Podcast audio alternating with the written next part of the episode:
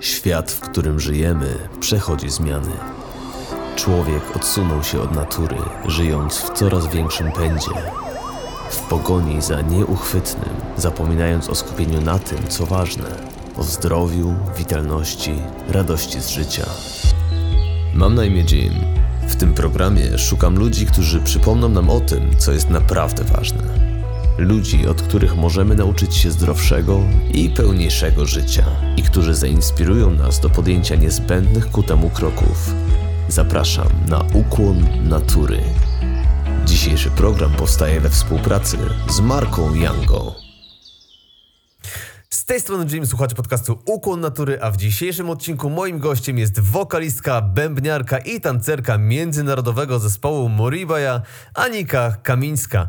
Anika specjalizuje się w grze na etnicznych instrumentach perkusyjnych z różnych stron świata oraz w tradycyjnym tańcu zachodnioafrykańskim. Odpowiada też za sekcję rytmiczną w zespole Madrugada, łącząc hiszpańskie flamenco z polską muzyką ludową. Anika, witam Cię w Ukłonie Natury. Cześć. Dzięki, że przyjęłaś zaproszenie do podcastu. Powiem Ci, że naprawdę wiele słyszałem o Tobie od naszych wspólnych znajomych. No i nie mogłem doczekać się tej rozmowy. Tym bardziej cieszę się, że znalazłaś tutaj, wiesz, czas na takie połączenie się w swoim, no chyba dość napiętym ostatnio grafiku. Wiem, że Moribaja zaliczyła tego lata obszerną trasę po wielu festiwalach i nie tylko.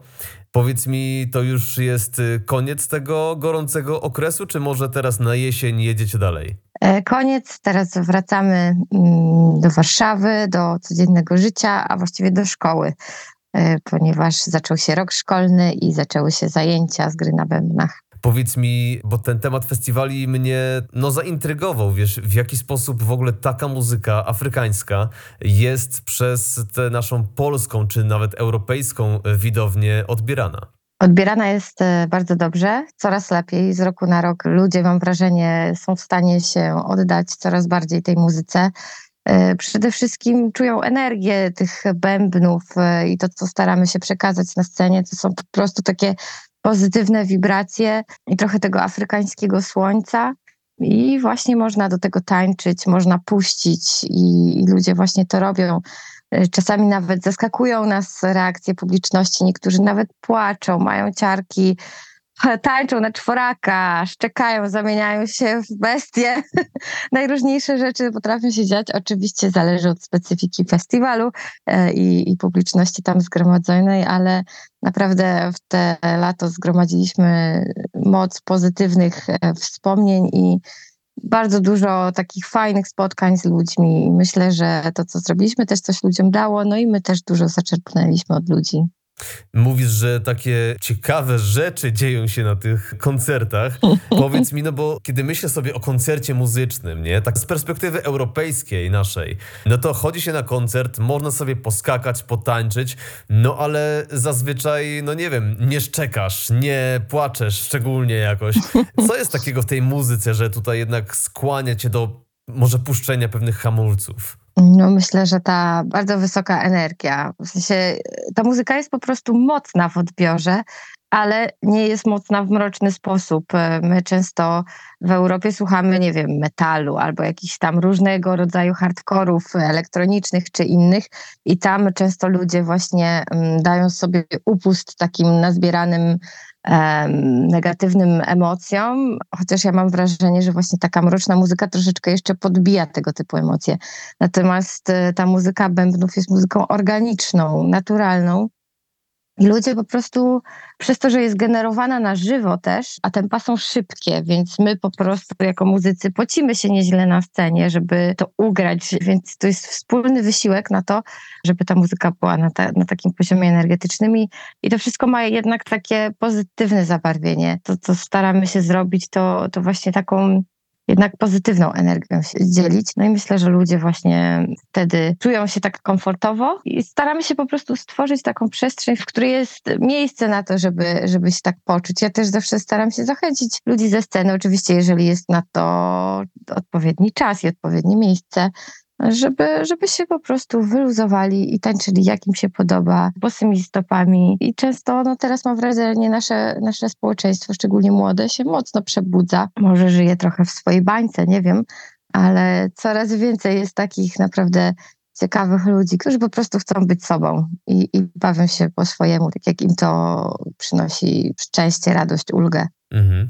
Wiesz, e, tak jak o tym mówisz, e, to kojarzy mi się to z jakimiś takimi nawet i formami e, terapii, gdzie poprzez muzykę, poprzez ruch, taniec właśnie uwalniamy też jakieś emocje. Tutaj przychodzi mi do głowy też praktyka taka jak movement medicine, na przykład Ani Sierpowskiej, czy jakiś lowen nawet, gdzie poprzez trzęsienie, poprzez ruch ciałem wywalamy z siebie te stare, zastygłe emocje. Powiedz mi, czy to jest coś takiego właśnie, co, co też jesteś w stanie zaobserwować ze sceny, czy może po prostu nie w tę stronę myślę? Mhm. My nie, jakby nie prowadzimy takiej sesji, ale wydaje mi się, że e, to, że takie praktyki, które wymieniłeś, stały się dość popularne, więc ludzie też, e, którzy przychodzą na nasze koncerty, na przykład mają coś takiego typu doświadczenia za sobą, więc jak słyszą taką muzykę, to po prostu wykorzystują swoje doświadczenie i, i sami to robią.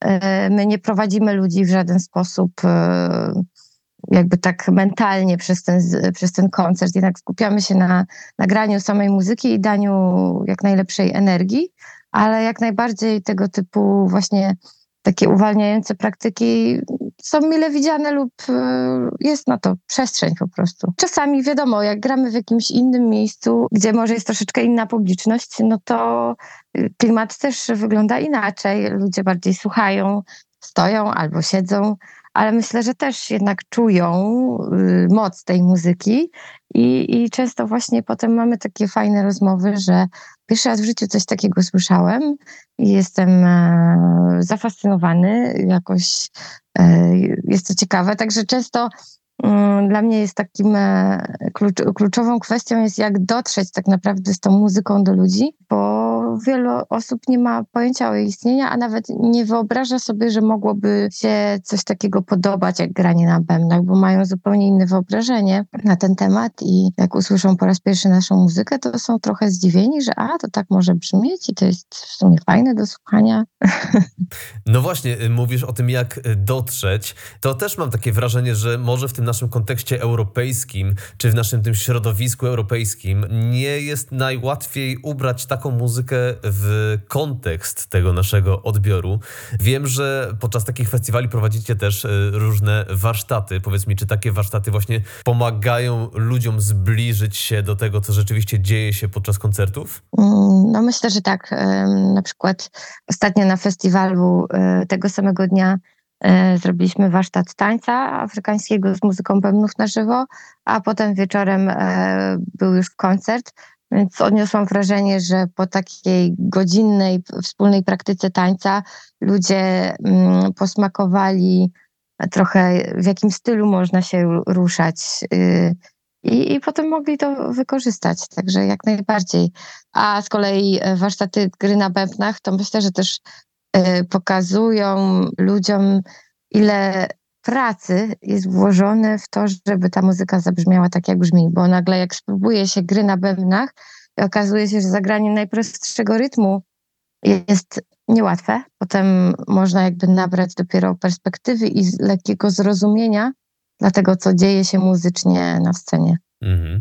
Ja sam kiedyś brałem udział w warsztatach y, dżembe i no rzeczywiście nie jest to łatwe, y, wiesz, po takiej nawet godzinie warsztatu ręka boli, a to jest jeden symptom. Ręka boli to jest jedno, ale też ile skupienia tak naprawdę na samym początku szczególnie y, wymaga taka gra, no bo musisz nauczyć się tego tak naprawdę chyba języka bębna, żeby później, wiesz, swobodnie się nim posługiwać i po prostu grać muzykę muzykę? E, powiedziałeś języka bębna. Myślę, że to jest bardzo dobre e, porównanie. Ja często porównuję gry na bębnach do nauki języka obcego. Mamy dźwięki i raptem tylko trzy dźwięki, więc dużo mniej niż na pianinie na przykład. E, więc teoretycznie jest to prostszy instrument niż takie tutaj nam znane instrumenty, ale tak jak w Europie ludzie chodzą do szkoły muzycznej przez wiele lat, y, mają edukację muzyczną, tak i w Afryce muzycy grają od dziecka, jeszcze cały czas dorastając w otoczeniu tej muzyki, słuchając jej regularnie na żywo chłoną ją, no i w ten sposób mogą się uczyć. A dżembe akurat jest instrumentem, który, tak jak mówisz, gra takie frazy, czyli można by powiedzieć wyrazy, a z tych wyrazów składa zdania i po prostu opowiada pewnego typu opowieść, ale jest to opowieść rytmiczna, nie, nie kryje się tam za nią specjalnie jakaś, e, nie doszukujmy się tutaj jakiejś takiej e, treści, kodów jakichś, chociaż można pewne frazy grane na bębnach powiedzieć słowami też oczywiście, ale to nie jest tak, że, że jak ja gram na bębnie jakieś zdanie, to ono coś znaczy konkretnego i teraz przekazałam jakąś zaszyfrowaną informację. Tak nie jest akurat. Dobrze, Anika, mówiąc o tym, w jaki sposób w Afryce muzyka jest postrzegana, chciałbym zrobić e, taki krok wstecz mały, bo e, jesteś z wykształcenia archeologiem, a jednak zdecydowałaś się związać to życie z muzyką, no i z tańcem oczywiście. I wiesz, teraz zaczęłaś mówić o tej muzyce i kulturze muzycznej w Afryce. Co takiego zafascynowało Cię w tym i może też w jaki sposób po raz pierwszy zetknęłaś się w ogóle z takim podejściem do muzyki i, i z tą kulturą afrykańską? Mm, ja od dziecka e, zasłuchiwałam się w muzyce etnicznej z całego świata. Na szczęście mam rodziców, którzy mają dobry gust muzyczny i od dziecka przynosili do domu kasety, tudzież winyle z nagraniami z całego świata, więc zawsze ta muzyka etniczna była mi bardzo bliska. Jakoś tak od dziecka najbardziej e, zwracałam uwagę na rytm w muzyce, więc to jest chyba jakaś taka naturalna predyspozycja, że ten rytm był dla mnie esencją muzyki. Nigdy nie zwracałam uwagi na teksty i na słowa. Mam wrażenie, że ludzie dzielą się ogólnie na takie dwie grupy, na, na ludzi, którzy słuchają tekstów i zachwycają się właśnie tekstami w muzyce i na ludzi, którzy słuchają e, samej tej warstwy muzycznej. Taka jest moja teoria, oczywiście można się z tym nie zgodzić. No i mam wrażenie też, że ta muzyka afrykańska i ten taniec afrykański, to on bardziej wybrał mnie niż ja jego i tak e, za tym poszłam. Po prostu jakiś splot wydarzeń sprawił, że zaczęłam uczyć się grać na bębnach. Poznałam po prostu takich ludzi, którzy grali na bębnach. Mój pierwszy chłopak grał na bębnie i mi się to spodobało, więc też chciałam sobie z nimi pograć. Wtedy to były takie czasy jakichś festiwali reggae w Polsce, na sobie jeździłam jako nastolatka i tam zawsze były jakieś kręgi bębniarskie. No i jak były takie kręgi, to do, dosiadałam się i waliłam tam w te bębny razem ze wszystkimi i po prostu jakąś taką ulgę mi to dawało, czy przyjemność, nie wiem. Też ten, e, te, te takie uczucie transu wtedy zdarzało mi się tego doznawać. Zresztą za, zawsze za tym też podążałam, za tą taką transowością w kulturze e, i na, nawet właśnie w tej archeologii też, też na ten temat zawsze, e, ten temat transowości wracał, e, więc to jest jakaś, jakaś taka kwestia dla mnie bardzo ważna, wspólnego transu w ogóle, jako, jako spędzania czasu razem z, z innymi ludźmi. Później już e, ucząc się gry na bębnach po prostu natrafiłam na bęben afrykański, bo na początku w Polsce to tak nie było takiego um, dostępu może do dżembe, ale z czasem, z czasem po, pojawiły się te instrumenty i zaczęłam słuchać w ogóle po raz pierwszy chyba moja przyjaciółka dała mi płytę Omu Sangare. Mówi, o zobacz, posłuchaj sobie, fajna, fajna muzyka. I wtedy ja jeszcze nie wiedząc w ogóle skąd to jest, co to jest, e, właśnie słuchałam tej e, diwy afrykańskiej, malijskiej. No i bardzo mi się to spodobało i te płyty po prostu przesłuchałam wiel, wielokrotnie. Później zaczęłam biegać w parku i słuchać Mamadi Keita i Famudu Konate, więc słuchałam tych bębnów. One zaczęły mi się bardzo podobać i rytmy miały w sobie coś więcej więc zaczęłam je studiować, szukać możliwości grania po prostu takich rzeczy, które słyszę. Mhm. Mówisz o tej transowości i to jest takie coś, co bardzo mnie tutaj intryguje. Ja transu z bębnem nigdy, powiem ci, nie doświadczyłem, ale zdaję sobie sprawę, że coś takiego istnieje i jakbyś mogła, nie wiem, jakoś nakreślić mi, o co tu chodzi, jakby czy, czy to, nie wiem, umysł się wyłącza na kształt medytacji? Mogłabyś to jakoś, nie wiem, słowami y, przedstawić? No, ciężko opisać jest taki stan słowami, ale myślę, że jesteś na bardzo dobrym tropie.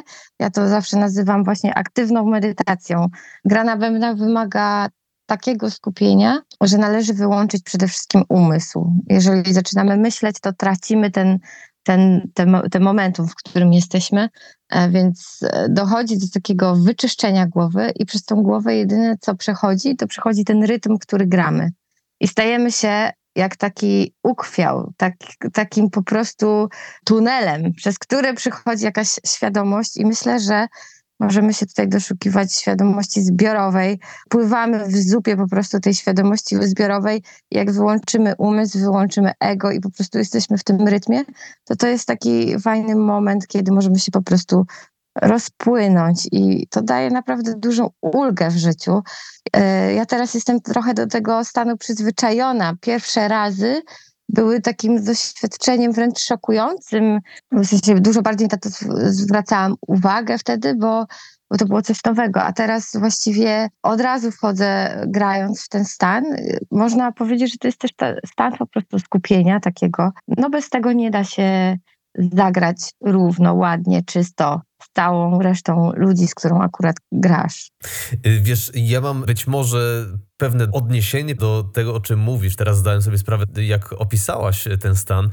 Y, kiedy gram na gitarze i jest właśnie ten stan pełnego skupienia, szczególnie kiedy gram z innymi muzykami, jest to takie widoczne, że czuję jakby czas zwalniał i wiesz, każde dotknięcie struny wydaje się być tak dokładne, tak płynące, tak w takim, wiesz, y, to chyba można rzeczywiście określić y, flow, o którym teraz często się też y, mówi w tej kulturze rozwojowej zachodniej.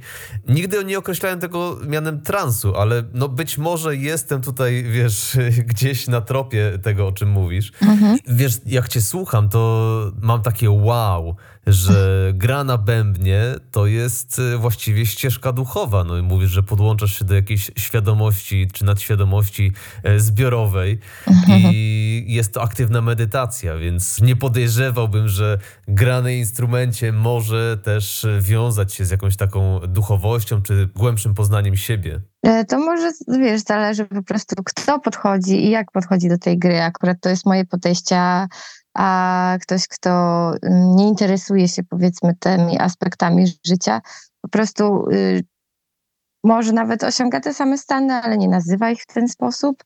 No taką transowość też, wiesz, widziałam na przykład na Kubie y, i, i bardzo też długo o tym myślałam, co tam właściwie się zadziewa, ponieważ oni też wspólnie grają na bębnach, na takich e, ceremoniach tambor, to są ceremonie ich takich wierzeń synkretycznych. Tam jest troszeczkę połączenia katolicyzmu z takimi czarnymi wierzeniami o korzeniach afrykańskich.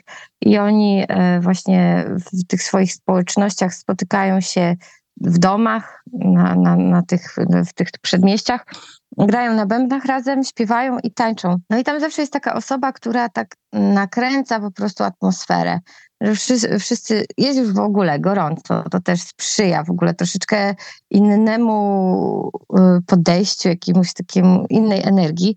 E, jest gorąco, popijają sobie rum i przychodzi taka osoba zatrudniona po prostu za pieniądze, która jest już ubrana w jakieś tam stroje bóstwa, które ma uosabiać i ona nakręca po prostu atmosferę, więc jest ktoś taki, kto przychodzi i nagle, nie wiem, zaczyna mocniej tańczyć, podskakiwać, pokrzykiwać i to sprawia, że innym się robi aż tak, uuu, coś się dzieje, nie? I czują tę energię. I to jedna osoba to nakręca, zaraz druga się dołączy i to, to jest takie trochę placebo, a trochę to y, sprawia, że wszyscy poczuli, że coś magicznego się zadziało, więc...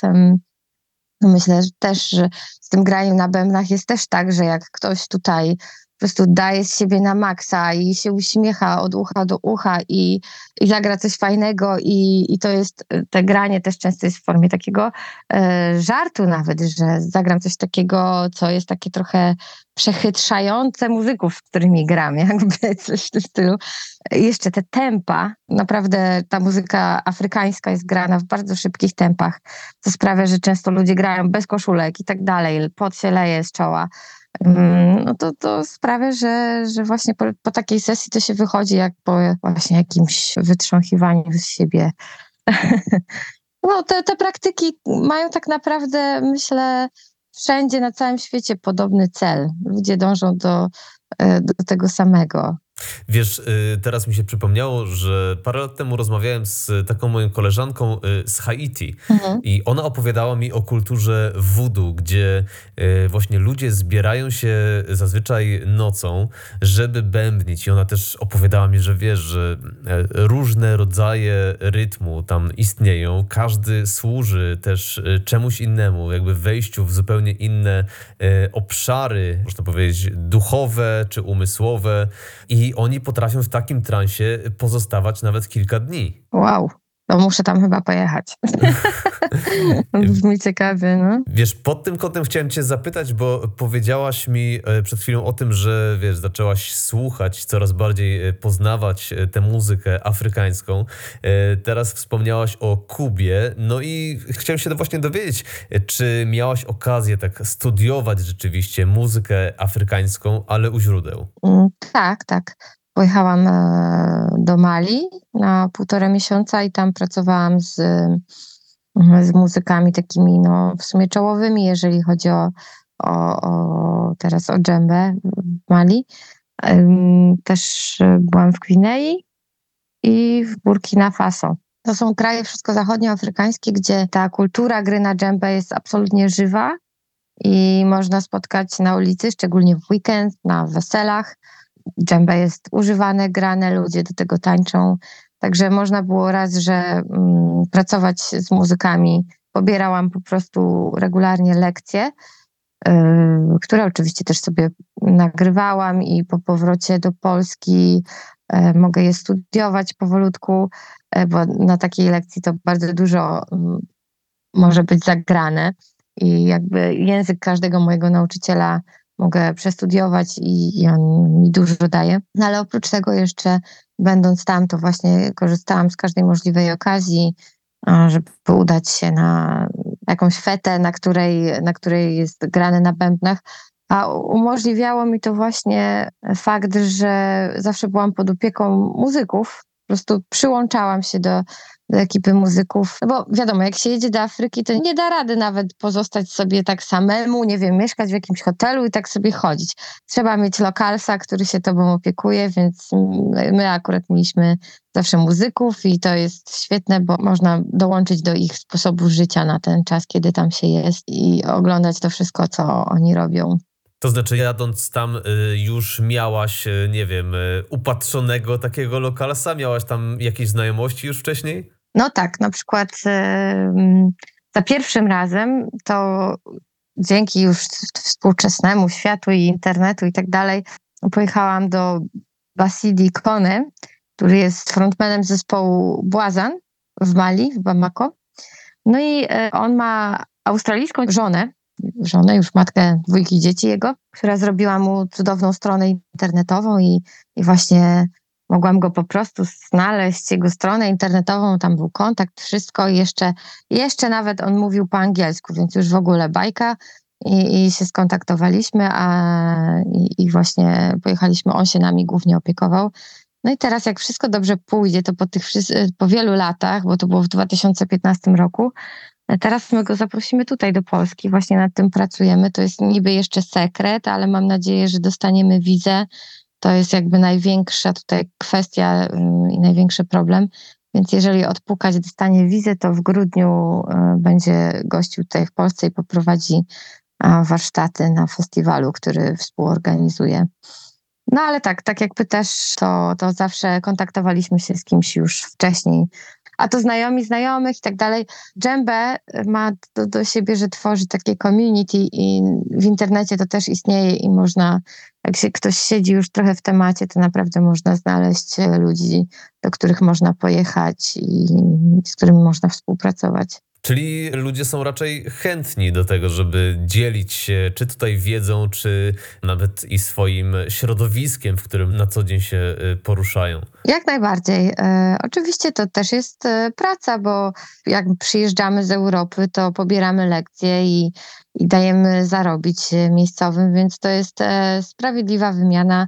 E, myślę, każdy na tym wychodzi dobrze, wszyscy są zadowoleni. Więc jak najbardziej jest to możliwe, żeby znaleźć e, sobie taki kontakt tam w Afryce i, i spędzić naprawdę ciekawie i fajnie czas. Super. No dobrze, odwiedziłaś kilka e, krajów e, zachodnioafrykańskich. Powiedz mi, w jaki sposób od tej Aniki, która wiesz, zainteresowała się muzyką afrykańską, e, zaczęła jeździć to tu, to tam, uczyć się, w jaki sposób z tego miejsca uformował się zespół Moribaja, zespół muzyków pochodzących właśnie z Polski, z Burkina Faso, z Australii, z Ukrainy. Wiesz, to jest dosyć taka bogata mieszanka kulturowa, prawda? Mhm. Żyjemy w globalnej wiosce. Warszawa e, to stolica tej naszej tutaj lokalnej wioski i naprawdę jest e, zresztą coraz więcej emigrantów e, w Warszawie. Wystarczy przejść się po ulicy i już naprawdę widzę tutaj sporo Afrykańczyków, ludzi zresztą z całego, całego świata. Zaczęło się to tak, że ja pobierałam lekcje, e, chodziłam na zajęcia z gry na dżembę i, i poznałam tam jakichś ludzi, z którymi e, po takich lekcjach um, chciałam się spotykać, poćwiczyć po prostu. Więc tak sobie ćwiczyliśmy, ćwiczyliśmy i w pewnym momencie jeden ze znajomych mówi, o tak gracie super, e, zagrajcie koncert u mnie na imprezie. tak, o no, no dobra, dobra, no to możemy zagrać koncert. No i tak e, z potrzeby powstał zespół. E, oczywiście od tamtej pory to już nikogo nie ma w składzie, kto wtedy ten, ten pierwotny taki powiedzmy skład tworzył. Tam tylko ja. E, mi chyba najbardziej zależało na tym graniu. Po prostu jakoś e, najbardziej w to wsiąkłam. Więc ten skład Moribai się zmieniał po drodze bardzo. Naprawdę przewinęło się sporo ludzi ale obecny skład to właściwie ostatnie pięć lat się formował. Y, najpierw, najpierw pojawił się mój partner z Australii, y, Paul Grocott, którego któregoś razu przyprowadził po prostu do sali prób y, mój kolega, z którym grałam. Mówił, o tutaj to jeszcze dłuższa historia, ale mój kolega był w Gwinei i sam tam był już długo, długo nie widział żadnej białej twarzy, już tak trochę był samotny i w pewnym momencie natrafił na drugiego białego człowieka w barze, wpadli sobie w ramiona, zaczęli pić razem piwo i wreszcie mogli sobie pogadać o jakichś białych sprawach. Więc tak powstała przyjaźń między nimi. No i wtedy on wrócił do Polski i zaprosił e, tego swojego nowego przyjaciela z Australii właśnie, by odwiedził go w Polsce. Ten przyjaciel z Australii e, pojawił się u nas na próbie tego naszego raczkującego składziku, grającego na bębenkach. No i tak sobie razem pograliśmy i z tego grania e, wyszedł i nasz związek, i, i, i, i zalążek zespołu, bo razem go współtworzymy. No i później tak graliśmy i skład się zmieniał, a e, graliśmy na przykład z Amadou Fola, który po prostu też przyjechał z Senegalu do Polski. Jak tylko trafi się ktoś, kto gra taką muzykę i, i chce ją grać, e, to właściwie od razu wpadał w nasze ręce, ponieważ pilnie śledzimy, co się dzieje w świadku muzycznym. Jeżeli taka osoba się pojawia, to oczywiście nawiązujemy z nią kontakt i, i, i współpracę.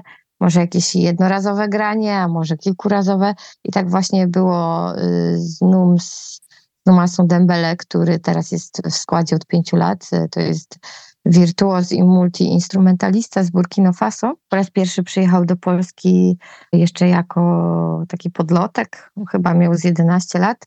Na zaproszenie Marii Pomianowskiej przyjechał na festiwal e, Skrzyżowanie Kultur odbywające się co roku we wrześniu w Warszawie. To jest taki duży festiwal muzyki tradycyjnej.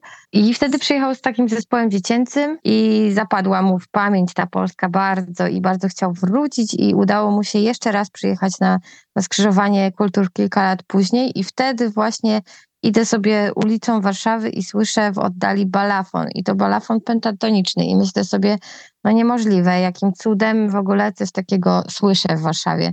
Więc po prostu przyspieszyłam kroku, niemal zaczęłam biec za tym dźwiękiem e, i wtedy patrzę, tu dwóch młodych e, Afrykańczyków gra, świetnie gra na balafonach. No i od razu, e, zresztą byłam z Polem, z moim partnerem wtedy na spacerze na krakowskim przedmieściu w Warszawie, także dużo szczęścia mieliśmy, że go spotkaliśmy, że akurat tam szliśmy. Mówią, że nie ma przypadków. No, chyba tak. E, podeszłam do nich i, i zagadaliśmy i od razu mówiliśmy się, że to co, zagramy razem koncert. Zorganizowałam nam koncert, e, zagraliśmy. No i to było takie bardzo miłe wspomnienie. Chłopaki wrócili do Burkina Faso, ale e, Nums miał cały czas w głowie tą Polskę już dwukrotnie odwiedzoną, że to jest takie miejsce, no jego też pierwsza wycieczka tak naprawdę zagraniczna poza Afrykę. I, I, bardzo chciał tu wrócić, więc starał się o powrót. Tutaj miał już jakichś znajomych, którzy umożliwili mu e, przyjechanie tutaj. No i w pewnym momencie dostaje telefon właśnie od niego, że cześć, jestem w Polsce, to może pogramy razem. A ja bardzo się ucieszyłam, mówię super, to dawaj na próbę. No i od tamtej pory gramy już ze sobą mm, pięć lat w zespole. Jeszcze trzeba powiedzieć też o ukraińskiej wokalistce, tak? Skąd ona się wzięła. Bardzo proszę. gramy sobie któregoś razu y, koncert na festiwalu Freak Festival no i przed nami grał zespół, w którym śpiewała właśnie Rita Udowiczenko. I jakoś tak ta Rita wpadła mi w oko, że ma taki fajny głos. I nie wiem, tak po prostu w ogóle nawet nie analizując, nic nie myśląc, podeszłam do niej i, i zagadałam. I chyba nawiązałyśmy pierwotnie współpracę co do organizacji warsztatów białego śpiewu, po prostu zorganizowała mi warsztaty, bo jej specjalizacją jest oczywiście śpiew ukraiński, tradycyjny, biały, nasz taki słowiański. A ja akurat przechodziłam okres fascynacji tym śpiewem. Zresztą do dzisiaj go bardzo lubię i też w wolnych chwilach dodatkowo sobie śpiewam e, na biało. Właśnie też u Rity na zajęciach. E, no i tak z tych organizacji zajęć nagle my akurat nagrywaliśmy drugi album i o Rita, może byś zaśpiewała chórki w tym albumie. Ona się zgodziła i później, później stwierdziliśmy, że w ogóle fajnie jakby z nami śpiewała po prostu jako, jako główny wokal i, i się zgodziła i też już śpiewa z nami no, chyba z trzy lata będzie. Wiesz, słucham o, tych, o tym całym kolektywie i wspomniałaś coś takiego, że kilka z tych osób powiedziało, że ta Polska jest całkiem fajna. Ciekawi mnie, co takie osoby, wiesz, ze świata, tutaj z Burkina Faso, z Australii, co takie osoby widzą w Polsce, że chcą właśnie tutaj być? My troszeczkę nie doceniamy swojego kraju, żyjemy jeszcze w starym paradygmacie, że Polska to jest jakiś drewniany barak, w którym się wszystko rozsypuje, kraj nie działa, państwo nie działa, ale myślę, że przez ostatnią dekadę naprawdę wykonaliśmy ogromny krok cywilizacyjny. No może nawet y, to trwa dłużej, ale myślę, że naprawdę w ciągu ostatniej dekady to widać na maksa i tu się po prostu dobrze żyje w porównaniu do innych krajów łatwo się przyzwyczaić do tego, że jest dobrze i, i zawsze, zawsze chcemy, żeby było lepiej. Oczywiście to jest świetnym motorem rozwojowym, ale ja na przykład bardzo doceniam to, jak jest u nas i myślę, że, że te osoby po prostu z zewnątrz też to widzą i chcą tu być. No na przykład ten wątek osobisty tutaj, e, to, że jesteśmy w związku tak z Polem, który jest z Australii, no to to jest jednak bardzo częsty motyw podróży zagranicznych, szczególnie u mężczyzn. Zawsze poznają kogoś. E, w ogóle jak znam jakieś pary w Polsce, które są takie międzynarodowe, to na ogół to tak wygląda, że facet poznał polską kobietę i stwierdził, że zostaje e, dla tej kobiety. Zresztą naukowo jest udowodnione, że kobiety mają mniejszą tendencję do przeprowadzania się, to raczej mężczyźni są odpowiedzialni za mieszanie genów na świecie, to oni chętnie opuszczają swoje miejsce pobytu, by udać się w poszukiwaniu za żoną, że tak powiem. Myślałem, że powiesz, że jest naukowo udowodnione, że polskie kobiety po prostu mają w sobie to coś, co przyciąga mężczyzn z całego świata. Tak, ten magnes. To jeszcze nie było chyba takich badań, ale myślę, że to nawet nie trzeba tego udowadniać. To jest oczywista informacja. Oczywista oczywistość, a poza tym, no tutaj jest to właśnie to słowo jeszcze i to myślę, że to jest tylko kwestia czasu. Tak. Wspomniałaś wiele muzyków, nawet nie będących w zespole, że przyjeżdża ktoś do Polski, tak, no to zaraz w jakiś kontakt się wchodzi i można razem pograć, można razem się spotkać, można coś zorganizować. I myślę sobie o tej muzyce afrykańskiej. Wiesz, zdaję sobie sprawę, że tutaj są pewne kompozycje, ale z drugiej strony mam wrażenie, że ta muzyka w dużej mierze jest jednak bardzo organiczna i wypływa tak naprawdę z chwili obecnej. Możesz mi coś o tym kierunku opowiedzieć? Spotykacie się nawet i z nieznajomymi, którzy obracają się w takich nurtach muzycznych i co, po prostu bierzecie się za granie?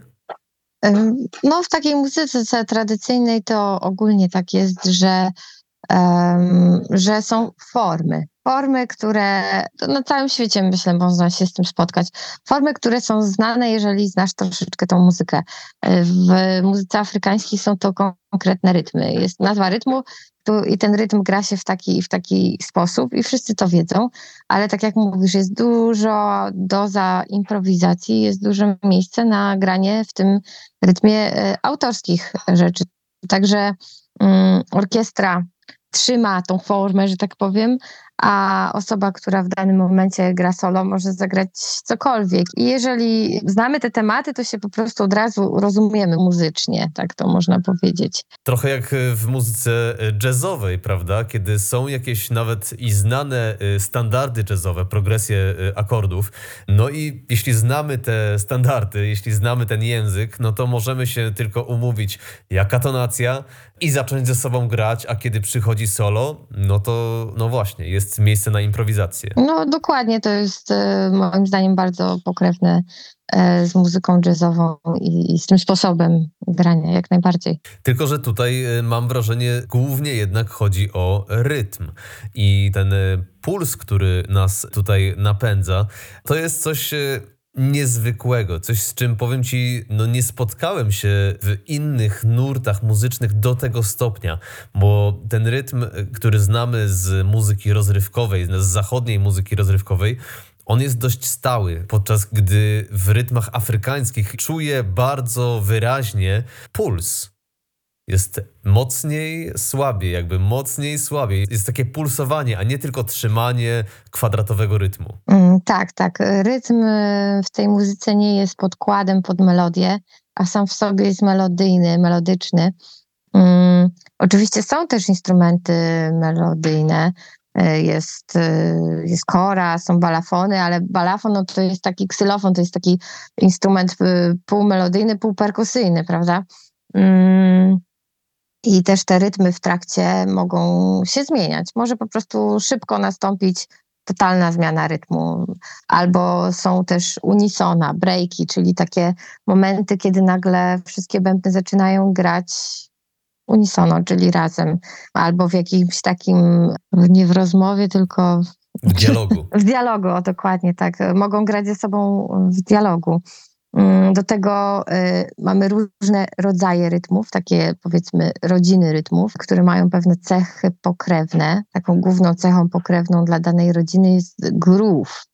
E, jest kilka rodzajów groove'u, to jest, czyli kilka rodzajów takich jakby zakrzywień rytmu, według, y, to jest taki klucz, według którego cały ten y, rytm jest grany, czyli on nie jest grany prosto raz, dwa, trzy, cztery, tylko na przykład raz, dwa, trzy, cztery. I te złamanie jest po prostu tam cały czas obecne i ono sprawia, że ta muzyka jest y, w odbiorze dużo bardziej taka taneczna.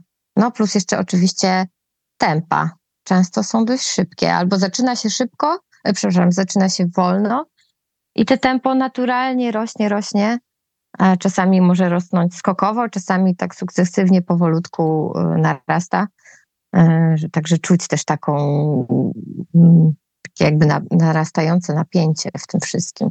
A powiedz, taka zmiana tempa to jest coś, na co się umawiacie, czy to też powstaje organicznie? Jako zespół ćwiczymy ze sobą, gramy ze sobą mm, co najmniej trzy godziny w tygodniu i raczej takie rzeczy wypracowujemy razem. Są momenty, na które się umawiamy, ale jak najbardziej, jeżeli już się jest trochę wprawnym muzykiem, to po prostu ma się uszy szeroko otwarte i wystarczy, że solista, który w danym momencie, że tak powiem, przewodzi sytuacją przez chwilę, E, I jeżeli ten solista czuje, ma ochotę przyspieszyć, to wystarczy, że zagra kilka dźwięków, które ciągną cały rytm do przodu i wprawni muzycy po prostu od razu potrafią to zinterpretować i właściwie to przyspieszenie dzieje się w taki sposób, że nikt nie ciągnie się z tyłu, że tak powiem, i nie biegnie za zespołem, tylko wszyscy od razu jak jeden organizm idą do przodu.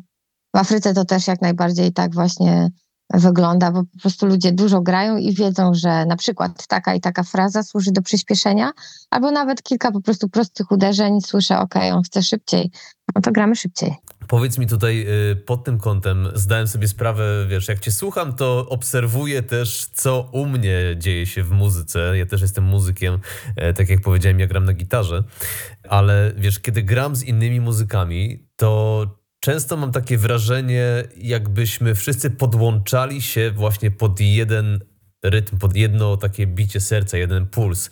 I wtedy, no właśnie, nawet i zmiany rytmu, czy utrzymanie tego rytmu, to nie jest jakby słuchanie bębniarza, który trzyma rytm, tylko jakbyśmy wszyscy równo z tym bębniarzem, no nie wiem, wyrażali ten jeden puls, który jest po prostu w przestrzeni. Masz czasem takie wrażenie, że to jest y, jakby jeden żyjący organizm? E, tak, tak, jak najbardziej. No wtedy to jest oznaka tego, że to zadziałało.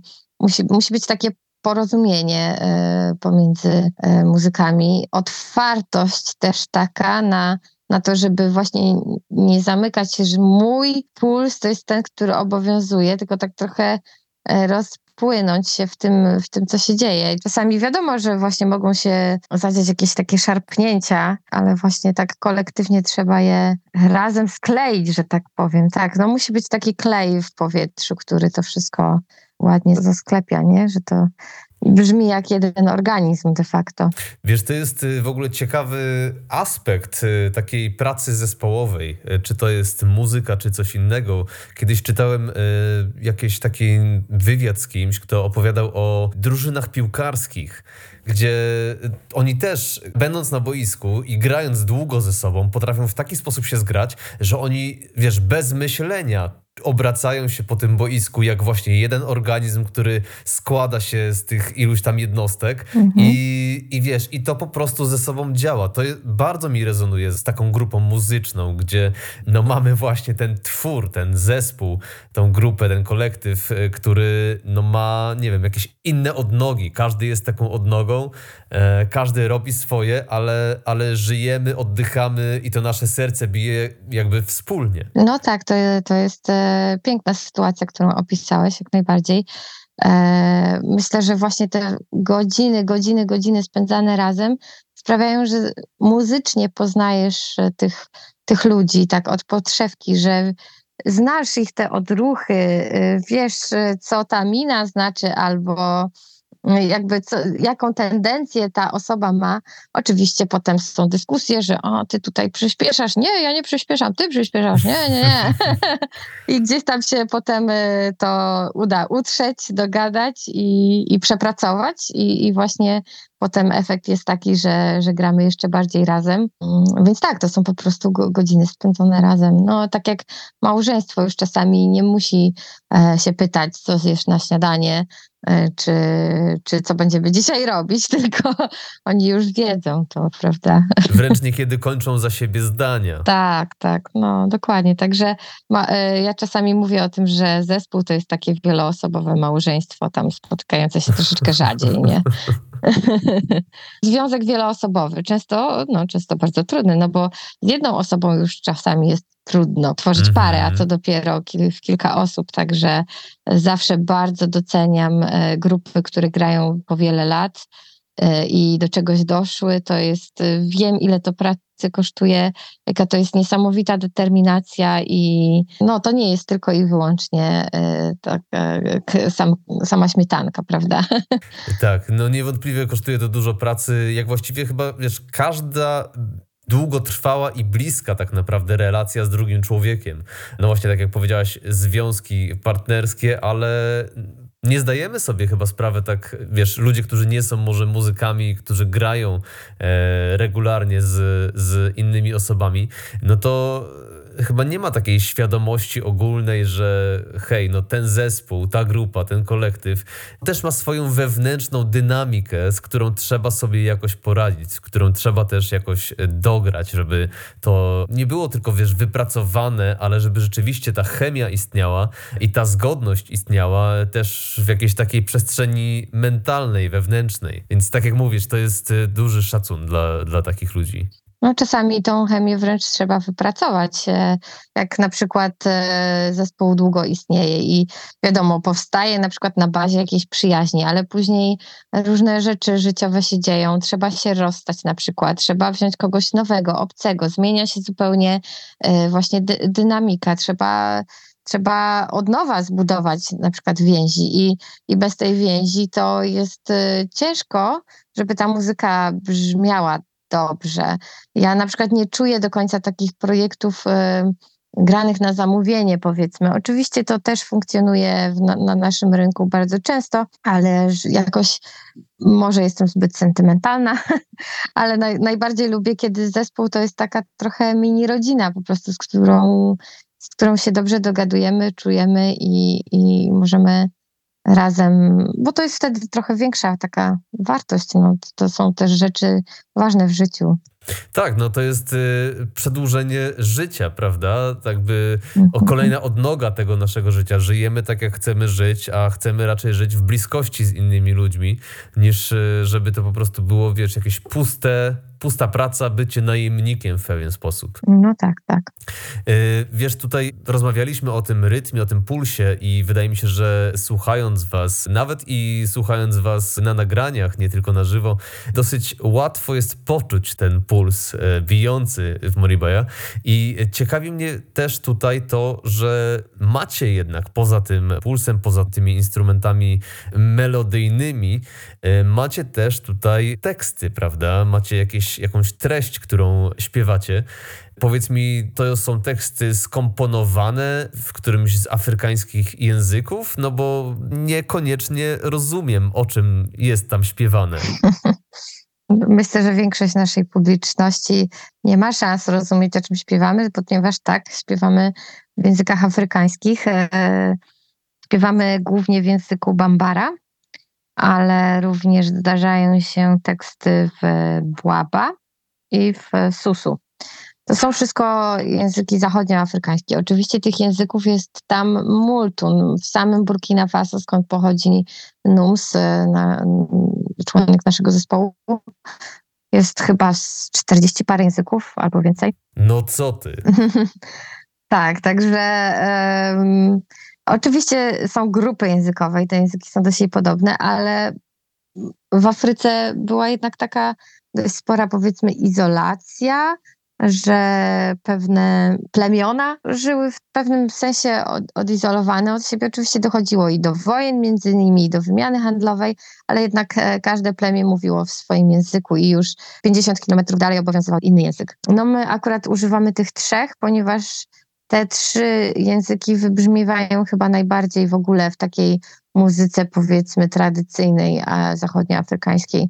E, w ogóle nasz repertuar to są na ogół nasze adaptacje takich znanych i tradycyjnych utworów afrykańskich, trochę jak w jazzie, że właśnie to są takie motywy, które są grane przez wszystkich muzyków, wszystkich griotów zachodnioafrykańskich, i każdy taki griot, każdy muzyk, każdy zespół gra te motywy na swój sposób. Po prostu y, każdy zna tą melodię, ale ogrywa ją naprawdę na swój sposób. Tworzy się własne akompaniamenty na balafon, na korę.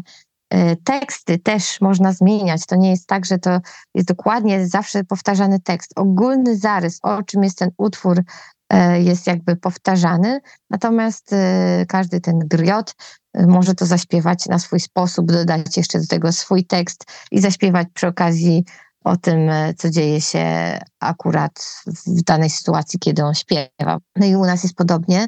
Na przykład mamy w repertuarze trzy takie utwory, które właśnie są na bazie tradycyjnych e, motywów e, opowiadających o właśnie wojnach międzyplemiennych bo to jest jednak takie wydarzenie, które no, zapadało w pamięć e, społeczności i, i to jakoś tak e, zawsze później przetrwa w tradycji mówionej i śpiewanej. I w trakcie tych plemiennych e, wojen były osoby, które odznaczały się jakimś wielkim bohaterstwem w obronie swoich rodaków. I to są tacy bohaterzy właśnie, o których tworzy się takie eposy trochę. Trochę jak w takiej dawnej, dawnej starożytności. Podobna jakby e, logika. No i o takim bohaterze można śpiewać różne właśnie e, wychwalające jego, jego bohaterskość, jego, jego czyny, e, jego heroizm, i potem jeszcze można dośpiewywać o tym, że jak duch takiej osoby, no nie wiem, zejdzie na twój dom, to będziesz błogosławiony i wszystko, e, znaczy błogosławiony nie w takim znaczeniu, jak my to rozumiemy, bo tu się śpiewa, że Allah no, jakoś cię odwiedzi, czy, czy, czy, czy będzie z tobą, ale to chodzi ogólnie o takie dobre samopoczucie i o, o, dobre życie, tak, że, że spotkają cię po prostu do, dobre rzeczy w życiu. Także no, mamy właśnie trzy utwory takie, takie na bazie tych eposów o, o bohaterach, bo to są po prostu utwory, które rzeczywiście są popularne i które się gra. Mamy też teksty napisane przez Numsa Dembele, które mówią o takich dość trywialnych rzeczach, bym powiedziała, bo o takich się też tam śpiewa. Śpiewa się po prostu, że Jesteśmy tutaj muzykami, gramy dla Was muzykę, bawcie się dobrze, tańczcie. Kto nie tańczy teraz i stoi i się nie rusza, to niech lepiej pójdzie na bok, zrobi miejsce dla tych, co tańczą, żeby nie psuł tutaj atmosfery. Na przykład mamy takie teksty. Czyli wesołe teksty o graniu muzyki. Tak, to trochę tak jak czasami jacyś hip-hopowcy nawijają o tym, że jestem tutaj teraz z wami i dla was gram. Coś w tym stylu. Nawijają o nawijaniu. No, dokładnie. Y, wiesz, te, jak mówisz, eposy, które, które tam były tworzone, to mi przywodzi na myśl taki, wiesz, szeroki aspekt kulturowy, który jest chyba wszędzie obecny, gdzie no jeszcze przed kulturami pisanymi, prawda, te eposy były przekazywane właśnie w formie poezji, ale ustnie, czy w formie muzycznej poezji. To był taki zapis naszych korzeni, zapis tej kultury, zanim jeszcze słowo pisane miało szansę gdzieś tam zaistnieć. I takie rzeczy pomagały, czy pomagają danej kulturze odwołać się do tego, co było, ale też wyznaczyć jakiś taki najwyższy potencjał, prawda? Mówisz o tych bohaterach. Jest to chyba jakieś takie wyznaczanie najwyższego potencjału, do którego my możemy dążyć w naszym codziennym życiu, bo każdy z nas zmaga się z jakimiś trudnościami i każdy z nas tak naprawdę może odnaleźć w sobie jakiś rodzaj heroizmu w tych zmaganiach i wejść może w uosobienie nawet takiej postaci, o której się śpiewa. No tak, na pewno taki e, przykład do naśladowania, jak, naj, jak najbardziej, tak. Mhm. Powiedz mi, publiczność czasem z wami śpiewa? Tak, tak, tak. Czasami nawet uczymy ich tekstów, żeby mogli, mogli je powtórzyć i, i super śpiewają e, z nami. To jest e, bardzo fajne. Mm, a czasami oni już sami znają, bo te teksty wcale nie są trudne i są powtarzalne. E, jedna, jedna fraza właściwie może być powtórzona chyba z 10 razy, bo w tych wszystkich afrykańskich zaśpiewach i także jest e, e, afrykańskich, ale też takich na przykład w Ameryce, które są afrykańskiego pochodzenia, jest dokładnie ta sama logika, że jest taki główny śpiewak, który śpiewa jakąś frazę, a chórek mu odśpiewuje odpowiedź. I, i, i to też e, ta taka powtarzalność tego ta odpowiedź jest zawsze taka sama, więc chórkowi jest łatwiej, a, mhm. a ten wokalista w międzyczasie można, może różne teksty przekazać. E, często nawet jeszcze takie pouczające, że na przykład nie, nie mów o drugiej osobie źle, bo o tobie też mogą źle powiedzieć, albo coś w tym stylu. E, I wszyscy na to odśpiewują, że tak, tak, masz rację, czy coś w tym stylu. I, e, i to też sprawia, że jest taka transowość w tym, że właśnie ludzie, ludzie tak odśpiewują i to jest takie cykliczne, powtarzalne i to, i to sprawia, że, że, że też może, może pojawić się takie odczucie transu. To mi się kojarzy w ogóle z muzyką gospel, która też właściwie ma afrykańskie korzenie, e, a gdzie właśnie jest ten wokalista przewodni, ten motyw przewodni i chórek, który mu odśpiewuje. I właśnie z tej muzyki powstał na przykład blues, gdzie też e, jakby taką rzeczą bardzo rozpoznawalną w muzyce bluesowej mamy to, że jest pierwsza linijka, później ona jest powtarzana tylko na wyższym akordzie, prawda? Mhm. Więc to, co właśnie powiedziałaś, to pokazuje, jak bardzo do tej naszej muzyki zachodniej, rozrywkowej, e, jak bardzo mamy tutaj te korzenie tak naprawdę w muzyce afrykańskiej. No oczywiście, bez, bez muzyki afrykańskiej nie byłoby swingu, nie byłoby e, bluesa, nie byłoby hip-hopu i w ogóle no, w większości tej, tej teraz popularnej muzyki, e, takiej tanecznej, w całej muzyce tanecznej słuchać po prostu bardzo, bardzo silne wpływy. Ja czasami nawet słuchając y, właśnie takich nagrań muzyki popularnej, nawet słyszę takie paterny żywcem wzięte z afrykańskich rytmów. Oczywiście nikt nie studiował takiego afrykańskiego rytmu i tego nie kopiował, tylko to widać, że jaką to daleką drogę e, przeszło jest wciąż obecne i myślę, że to właśnie porywa ludzi do tańca. Jest coś takiego, że my, Europejczycy, tworzyliśmy muzykę taką trochę bardziej intelektualną, z rozbudowaną harmonią, z, z rozbudowaną melodyką, długie formy, a, a jednak tam e, w Afryce skupiano się na tym zawsze, żeby muzyka miała jedno zastosowanie. Nikt nie grał muzyki po to, żeby jej sobie posłuchać. Wszyscy grali muzykę po to, żeby do niej tańczyć. Ona miała praktyczne zastosowanie, takie, żeby cała społeczność mogła w tym uczestniczyć. I myślę, że, że dzisiaj może nie byłoby takich festiwali muzycznych i, i w ogóle tego całego fenomenu takiej muzyki rozrywkowej, jaką teraz mamy, gdyby nie to właśnie, nie ten styk kultur, nie to, nie to przemieszanie się kulturowe z muzyką afrykańską. Mhm. Jeszcze wspominałeś o, o tym właśnie ustnym przenoszeniu tej tradycji. No ja tutaj wspomniałam taką nazwę griot. To jest taka osoba, która, która właśnie, mm, to jest taka kasta nawet ludzi w Afryce Zachodniej, których głównym zadaniem życiowym, ich jakby takim zawodem e, jest właśnie przenoszenie tradycji ustnie lub w, w muzyce. E, śpiewając, opowiadając historię, e, chodząc z wioski do wioski. Właśnie oni, oni znali mnóstwo takich historii jeszcze w czasach, kiedy nie było telefonów komórkowych, ani telewizji, ani nic takiego. E, to oni po prostu podróżowali z jednej wioski do drugiej, zasiadali wieczorami i, i raczyli ludzi tymi opowieściami. W ten sposób pamięć o, o takich bohaterach nie umierała, Oczywiście to zawsze jest potem trochę koloryzowane, żeby wzbudzać emocje i stanowić pewną rozrywkę tak, dla gawiedzi.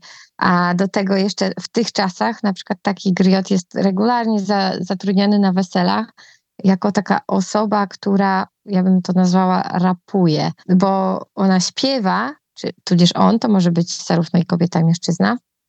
Ostatnimi czasy są też popularne bardzo griotki i śpiewaczki, e, kobiety, Y, no to na weselu taka osoba dostaje mikrofon i ona po prostu wychwala, błogosławi na najróżniejsze sposoby, bardzo elokwentnie zgromadzoną rodzinę. I każda rodzina y, ma swoją kolej, każda ciotka ma swoją kolej, i wtedy jest czas, kiedy taki griot wychwala daną osobę, nie wiem, śpiewa o tym, że będzie miała dużo pieniędzy, dużo dzieci, dużo szczęścia w życiu i tak dalej, i tak dalej. Potem taka griotka powinna od tej osoby też dostać odpowiednie pieniądze zaraz za, po zaśpiewaniu takich rzeczy. Jeżeli, jeżeli nie dostanie tych pieniędzy, to już nie będzie dalej śpiewać o tej osobie. I to wszystko przybiera w ogóle taką trochę formę właśnie takiego, można by przyrównać rapu. Ja tu widziałam Y, właśnie korzenie hip-hopu i rapu w tym wychwalaniu y, na tych afrykańskich weselach. Właśnie to mi przyszło do głowy, kiedy o tym mówisz, bo taki pierwszy rap, no to przecież po prostu był MC, tak? Był sobie jakiś beat, jakaś pętla e, prawdopodobnie i taki MC po prostu nawijał. Nie było jeszcze takiego hip-hopu, jaki dzisiaj znamy, gdzie jest, wiesz, zwrotka, refren, zwrotka, refren, tylko po prostu było to improwizowany tekst który się w zasadzie rymował, ale też nie zawsze. I to wiesz, to jest kolejna rzecz, która przychodzi mi na myśl, kiedy mówimy o korzeniach naszej dzisiejszej muzyki rozrywkowej, które tkwią właśnie w kulturze afrykańskiej. Mm, dokładnie tak. Nawet mówisz, że pętla e, sobie leciała.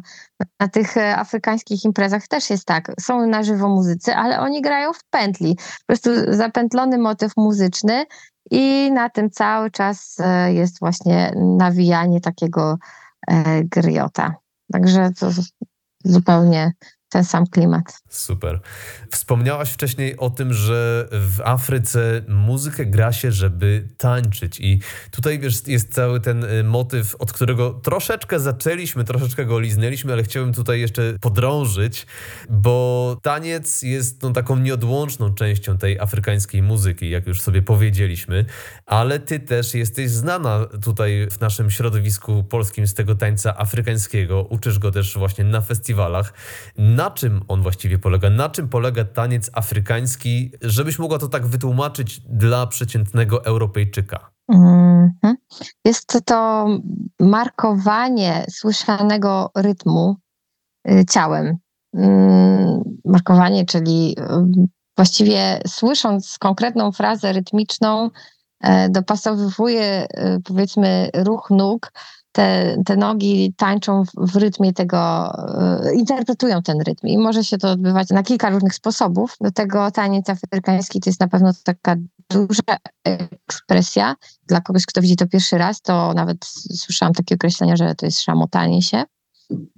E, czyli naprawdę w porównaniu do naszych tańców jest to taniec, który, w którym widać duży, szeroki zakres ruchu, zarówno nóg, jak i rąk.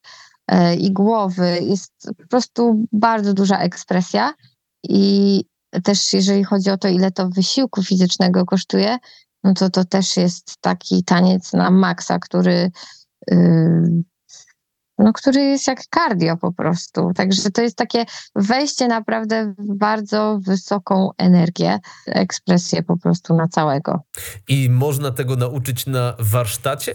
Można, nie na jednym może, bo jeden to tylko spróbować. Niektórzy po jednym stwierdzają, to dla mnie za dużo, bo to trzeba się zmęczyć. Ale może zdarza się jedna na ileś osób, która stwierdza, tak, to jest moja energia, to jest niesamowite, ja tu mogę puścić i po prostu na, zatańczyć to, bo to chodzi o to, żeby wejść w to tak na maksa, niedelikatnie, a całym sobą, oddać się temu po prostu. I e, jak sobie tak przypomnę jakieś takie stare nagrania z lat dwudziestych, no już minęło 100 lat, 20., 30., taki e, Nowy Jork i początki właśnie swingu i Charleston i tak dalej, gdzie właśnie E, się mówi o tych latach, że o, coś opętało tych ludzi, e, którzy zaczęli tańczyć ten Charleston, że takie dzikie tańce. No to tak, to, to są właśnie takie dzikie tańce, a Charleston to było po prostu afro na salonach. Tak naprawdę to jest taniec afrykański, który został ubrany w szpilki i w ładne sukienki ale opanował wtedy totalnie właśnie parkiety. Wiesz, y, taniec afrykański, kiedy no, ja sam próbowałem coś się tańczyć do rytmów afrykańskich, nie wiem na ile mój taniec był tańcem afrykańskim, ale też jak go widzę, w twoim wykonaniu go widziałem na nagraniach, e, czy jak go widzę w wykonaniu innych osób, e, mi to przypomina, kiedyś były przy stacjach benzynowych takie dmuchane, nie wiem, ludziki, przez które od dołu przechodziło powietrze i one się tak, wiesz, wyginały razem z tym powietrzem. I ja mam czasem takie wrażenie, że to jest właśnie przepuszczanie przez siebie tego rytmu, tej energii i wtedy to ciało rzeczywiście się jakoś tak dziwnie wygina, ale to jest, no właśnie, markowanie czy wyrażanie tego rytmu, tej energii muzyki poprzez ciało. To jest takie coś, co ja tutaj bardzo widzę. Mm, tak, jak najbardziej masz e, rację, że to jest przepuszczanie rytmu przez ciało i to przez całe ciało, aż po końcówki włosów. E, natomiast nie należy ulegać wrażeniu, że to jest jakaś, jakaś zbiór przypadkowych, niekontrolowanych ruchów. Może to nawet ma w pewnym sensie tak wyglądać. Może to są celowe zabiegi artystyczne, żeby to wyglądało jak taki chaos. Ja często to przyrównuję do, e, do takiego diabła tańsmańskiego, jak były kiedyś takie kreskówki, że on tak wpada z rozpędu i nie wiadomo, co tam się dzieje. Może to z dzieciństwa mi zostało i tak mi się podobał ten diabeł tasmański, że stwierdziłam, że będę tak tańczyć, nie wiem. Ale y, jest to naprawdę y, zorganizowana forma, którą, której trzeba się długo uczyć, żeby umieć tak zatańczyć. Także ludzie często są w szoku, jak po raz pierwszy spróbują, że Jezu, ja myślałam, że to jest takie po prostu machanie rękami i nogami a to, a to, wszystko, to wszystko musi siedzieć w punkt w rytmie. To jest w ogóle najważniejsze, że dopiero wtedy osiąga się na taką prawdziwą przyjemność z tego rytmu, taką czysto fizyczną przyjemność, kiedy y, właśnie stajesz się, tak jak to określiłeś, taką tubą, przez którą przechodzi ten rytm, ale musisz być punkt z tym rytmem. No właśnie, wracamy do tego, że muzyka afrykańska to jest właśnie rytm. Tak jak powiedziałaś, że u nas w Europie na salonach bardziej chodziło o te długie formy jakiejś melodii, może nawet trochę bardziej intelektualne potraktowanie muzyki, gdzie tutaj w naszej kulturze muzyki się bardziej słucha, a w kulturze afrykańskiej muzyka służy temu jednemu celowi. Muzyka jest y, do tańczenia. To jest coś, co mi się bardzo wyróżnia i, i coś, czego rzeczywiście my z naszego kręgu kulturowego możemy się na pewno nauczyć e, z muzyki afrykańskiej. Myślę, że w dzisiejszych czasach e, to, że mamy taką wymianę informacji z ludźmi z całego świata, ten internet, to jest właśnie coś, co tworzy nam nową jakość społeczeństwa. Mam nadzieję, ja w to wierzę, jestem pełna jakby optymizmu, że, że będziemy y, wymieniać się tymi dobrymi cechami, tymi dobrymi informacjami i my właśnie od Afrykańczyków możemy się uczyć y, takiej celebracji życia, takiego spędzania czasu wspólnie właśnie przy muzyce, tej radości z tego tańca, takiej nieobciążonej ocenianiem się nawzajem, tylko robienie tego ku radości tak naprawdę innych. Taka czysta wymiana energii, by spotkać się, nie, niekoniecznie trzeba ze sobą nawet rozmawiać, można po prostu y, potańczyć wspólnie i wrócić do domu naładowanym. Także to jest coś, z czego możemy się na pewno uczyć od Afrykańczyków. I nie tylko od Afrykańczyków, bo ty sama też jesteś takim medium e, wymiany międzykulturowej. Zresztą sama prowadzisz nie tylko warsztaty tańca na różnych festiwalach, ale też e, prowadzisz regularne warsztaty z dżembę, e, z których można skorzystać w szkole Click and Drum, która jest pierwszą szkołą tego typu w Polsce. Powiedz mi, jak wyglądają takie warsztaty i jak wygląda też zainteresowanie grą na dżembę? No, cieszy mnie fakt, że zainteresowanie grą na dżembę jest coraz większe. Z roku na rok mamy coraz więcej chętnych do gry. Nie wiem, z czego to wynika, może, może właśnie z tej wymiany kulturowej, że, że dżembe jako instrument staje się coraz popularniejsze. Warsztaty wyglądają tak, że jest to spotkanie E, grupy. U nas akurat to są grupy około 10-14 osobowe, nie za duże, żebyśmy mogli się wszyscy nawzajem dobrze słyszeć i, i czerpać jak najwięcej z tego spotkania. E, są to regularne spotkania raz w tygodniu, na których e, ja pokazuję, jak grać technicznie oraz jak zgrywać ze sobą rytmy. No, jako właśnie, tak jak powiedziałeś, te medium takie tłumaczące może na, na nasz europejski język, myślę, że właśnie ja znajduję się gdzieś po środku, bo potrafię to też y, wytłumaczyć, jak to zagrać tak od zera. A mogę to też y, rozpisać osobom, które potrzebują mieć to na kartce, żeby zrozumieć analitycznie, co się dzieje w takim rytmie, gdzie jest raz, gdzie jest koniec frazy, bo to wcale nie są takie e, łatwo zrozumiałe rzeczy. No i, i, takie spotkanie polega na tym, że, że staramy się właśnie zgrać taki rytm i doprowadzić do momentu, w którym to, że tak powiem, e, żargonowo zażarło. I wtedy jest ten moment przyjemności, kiedy wszyscy, o, ale teraz zadziałało. I właśnie czasami słyszę takie opinie, że o, ale był transik wczoraj na przykład. Ktoś powiedział na zajęciach, że o, transik był. Więc to jest dla mnie dobry sygnał, że, że tak, właśnie po to tutaj przyszli i, i, i dostali to, czego oczekują. No dla mnie osobiście jakby to jest też um, tak, im jestem starsza, tym odkrywam w sobie taką jakby trochę że jestem tutaj na tym świecie już z określoną z góry chyba jakąś taką misją, która polega na tym, by łączyć ludzi ogólnie. E, jak taki, nie wiem, impuls pomiędzy komórkami po prostu. I, I, akurat tak trafiło się, no po prostu tak wyszło, że to jest właśnie muzyka afrykańska i bębny są narzędziem ku temu, a tak naprawdę chodzi o to, żeby stworzyć przestrzeń dla ludzi, żeby mogli się spotykać ze sobą regularnie, stworzyć jakieś community, bo to uważam, że to jest bardzo ważne w życiu i my w dzisiejszych czasach trochę zapominamy o tym, jak ważne to jest. I trochę czasami gnijemy samotnie w małych mieszkankach, w dużych miastach, otoczeni ludźmi, ale, ale samotni. I bardzo bym chciała, na tyle na ile mogę, staram się to zmienić po prostu na taką małą skalę, i też kibicuję ludziom, którzy tworzą większe projekty tego typu, e, które mogą e, coś takiego zmieniać, ale, ale tak uważam, że ludzie powinni się właśnie spotykać i to spotykać regularnie e, w, w jakiejś pasji. Posiadanie pasji jest, jest bardzo ważne.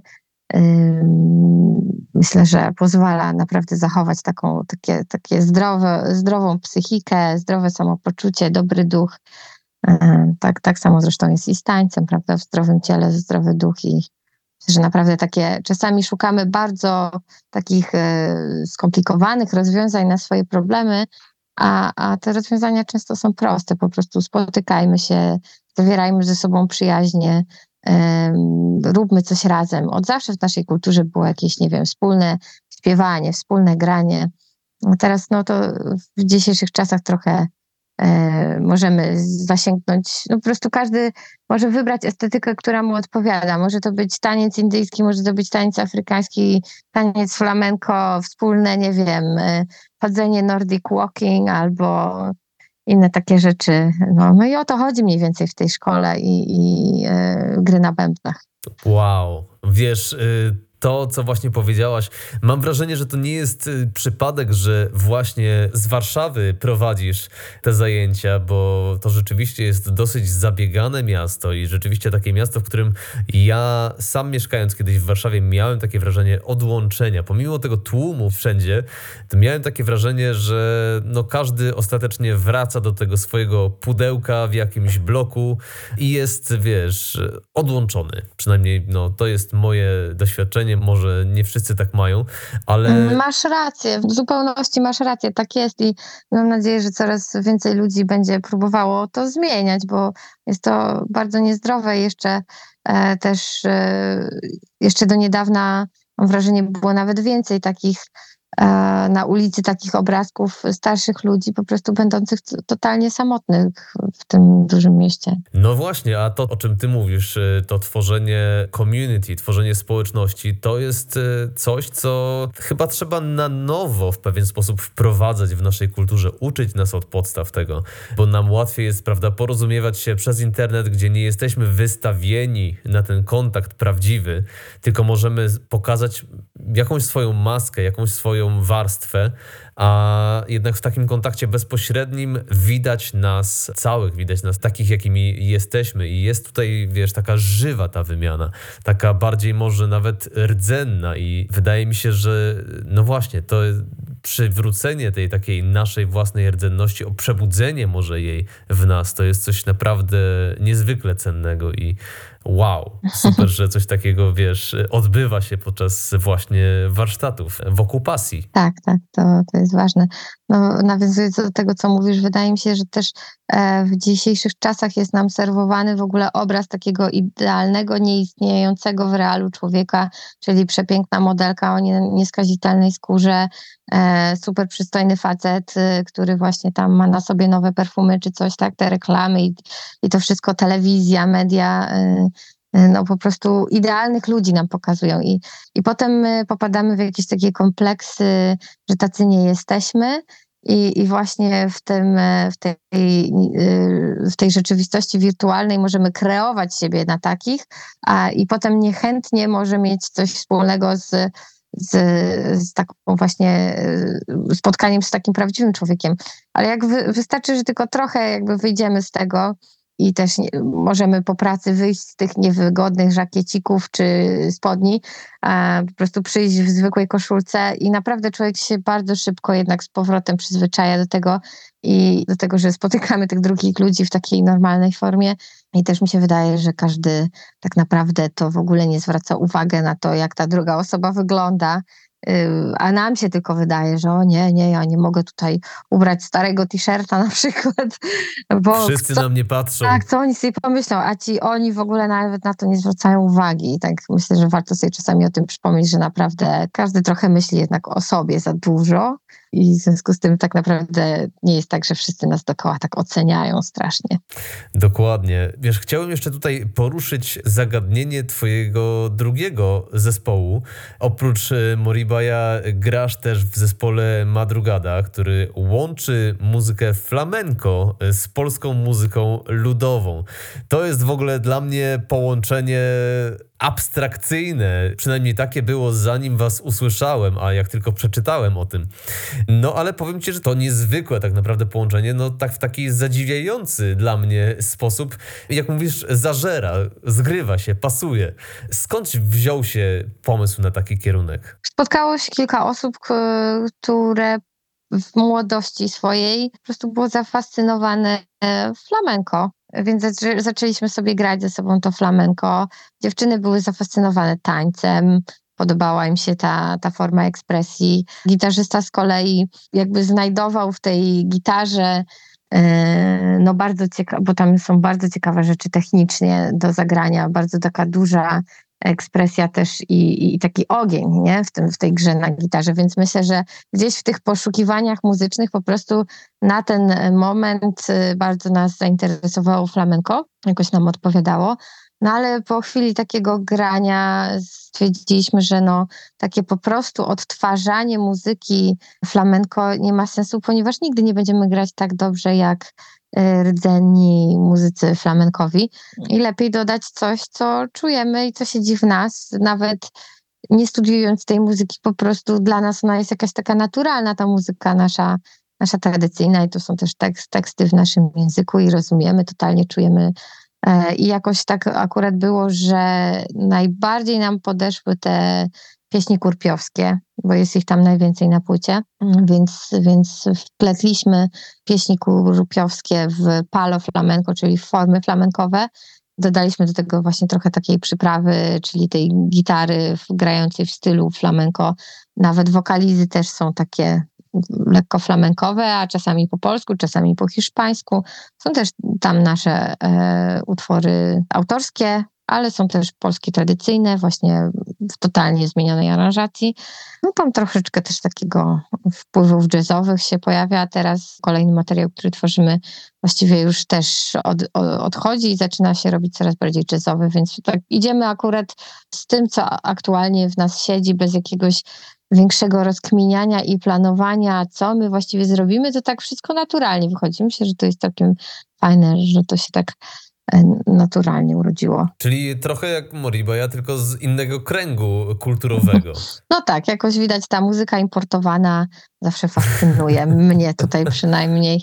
E, tak, jednocześnie wspomniałaś o tym, wiesz, że ta nasza tutejsza polska muzyka ludowa jest jednak bliższa nam, bardziej może naturalna, mimo że ta egzotyczność innej muzyki z Hiszpanii czy tu z Afryki może nas pociągać, to jednak jest coś bardziej naturalnego dla nas w tej muzyce polskiej. I mam też takie wrażenie, że ona coraz częściej przebija się w tych ostatnich latach do mainstreamu, wiesz, w jakichś utworach hip-hopowych na przykład była wykorzystywana, nawet w jakichś utworach rockowych to słyszałem. No to jest taka odradzająca się może inspiracja dla tych współczesnych brzmień. Tak, tak. Na przykład ja też yy, śledzę, co się dzieje na Ukrainie i tam w ogóle w muzyce to po prostu ta muzyka tradycyjna ukraińska totalnie weszła w muzykę rozrywkową.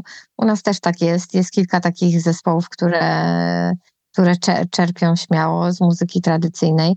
Wydaje mi się, że też takie połączenie yy, właśnie te, tego flamenko z muzyką y, polską, y, to trochę wychodzi jak takie w ogóle takie połączenia tworzą po prostu nową jakość i fajnie jest właśnie mieszać, bo to jest to jest charakter dzisiejszych czasów, że właśnie możemy mieszać te wszystkie informacje i tak jak, e, nie wiem, ze związku e, Afrykańczyka z Europejką urodzi się piękna mulatka i ona jest zawsze po prostu najpiękniejsza w klasie, tak samo będzie właśnie z taką muzyką, że wziąwszy najciekawsze elementy, jakieś taki, tako, taką sedno tej energii i po, połączywszy to wychodzi nowa, fajna jakość. Mhm.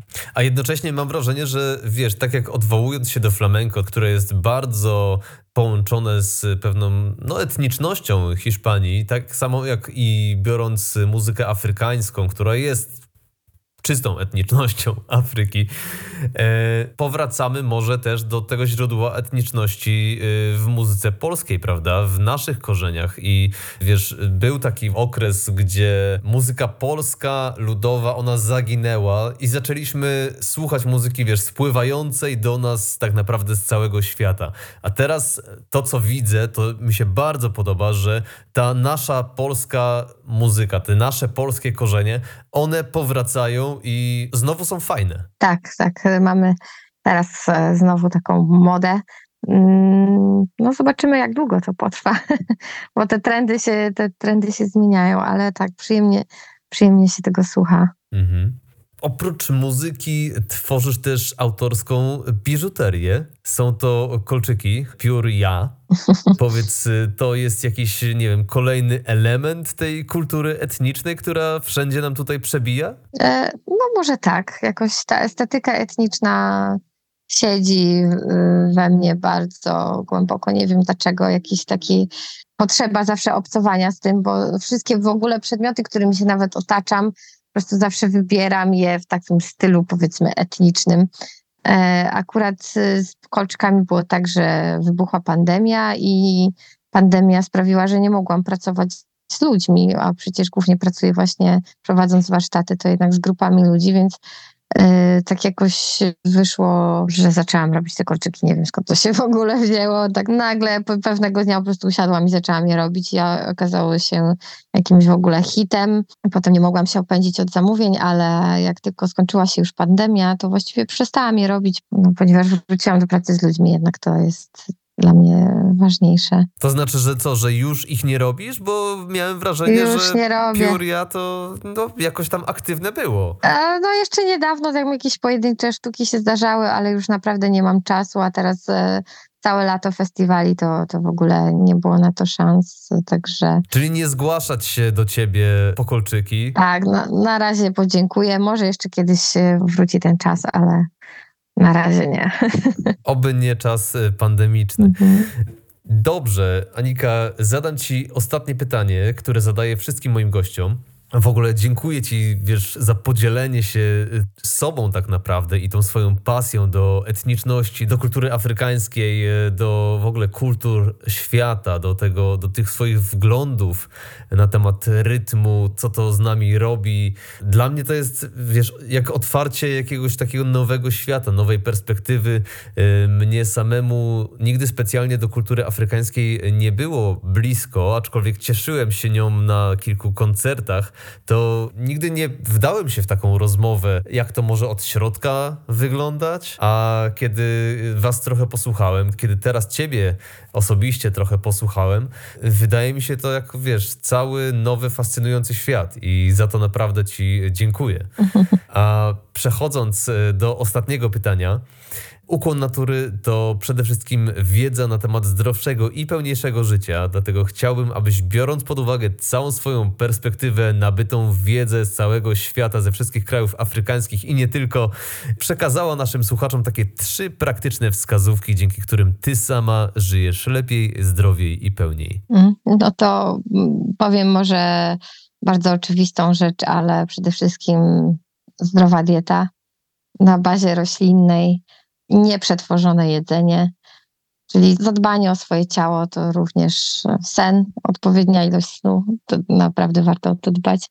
No druga rzecz to to, o czym e, wcześniej już rozmawialiśmy, czyli pasja, obecność pasji w życiu i najlepiej, żeby to była taka pasja, która która umożliwia spędzanie czasu z drugim człowiekiem w jakichś małych społecznościach. Coś, coś co lubimy robić po pracy regularnie i co angażuje nas e, w, w spotkanie.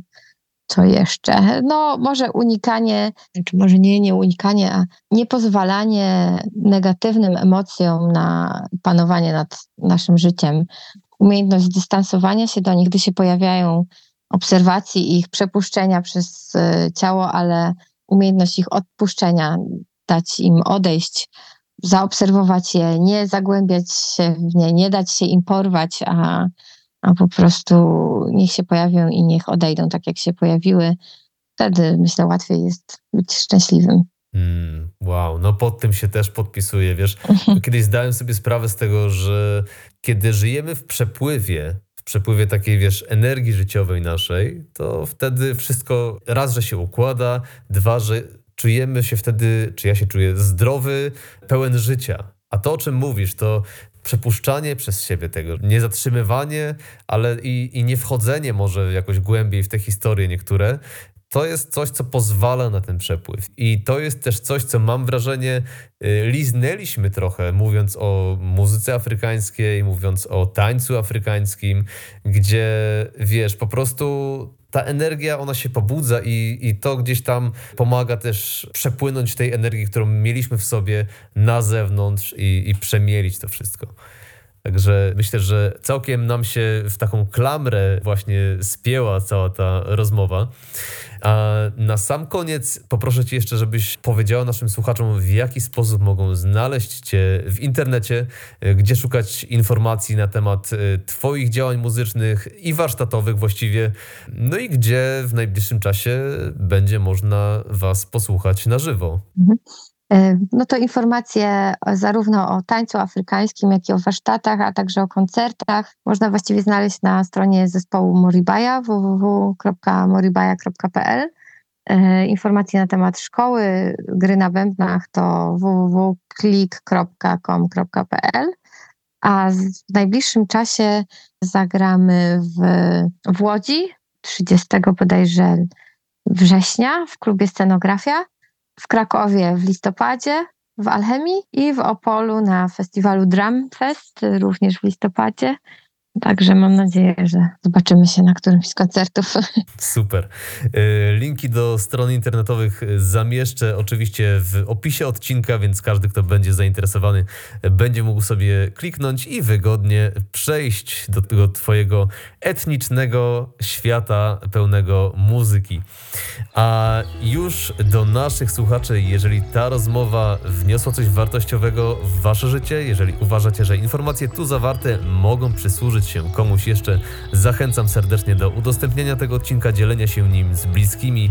E, dla mnie osobiście będzie to najlepsza forma podziękowania i wsparcia dalszego rozwoju kanału. A tymczasem ode mnie to już wszystko. Ja mam na imię Jim. Moim gościem było dziś Anika Kamińska. Słuchaliście programu Ukłon Natury, a po więcej informacji zapraszam też na stronę internetową www.yango.pl. Tobie Anika dziękuję jeszcze raz z całego serca. Życzę Ci wszystkiego, wszystkiego najlepszego w Twojej dalszej drodze. Dziękuję i pozdrawiam.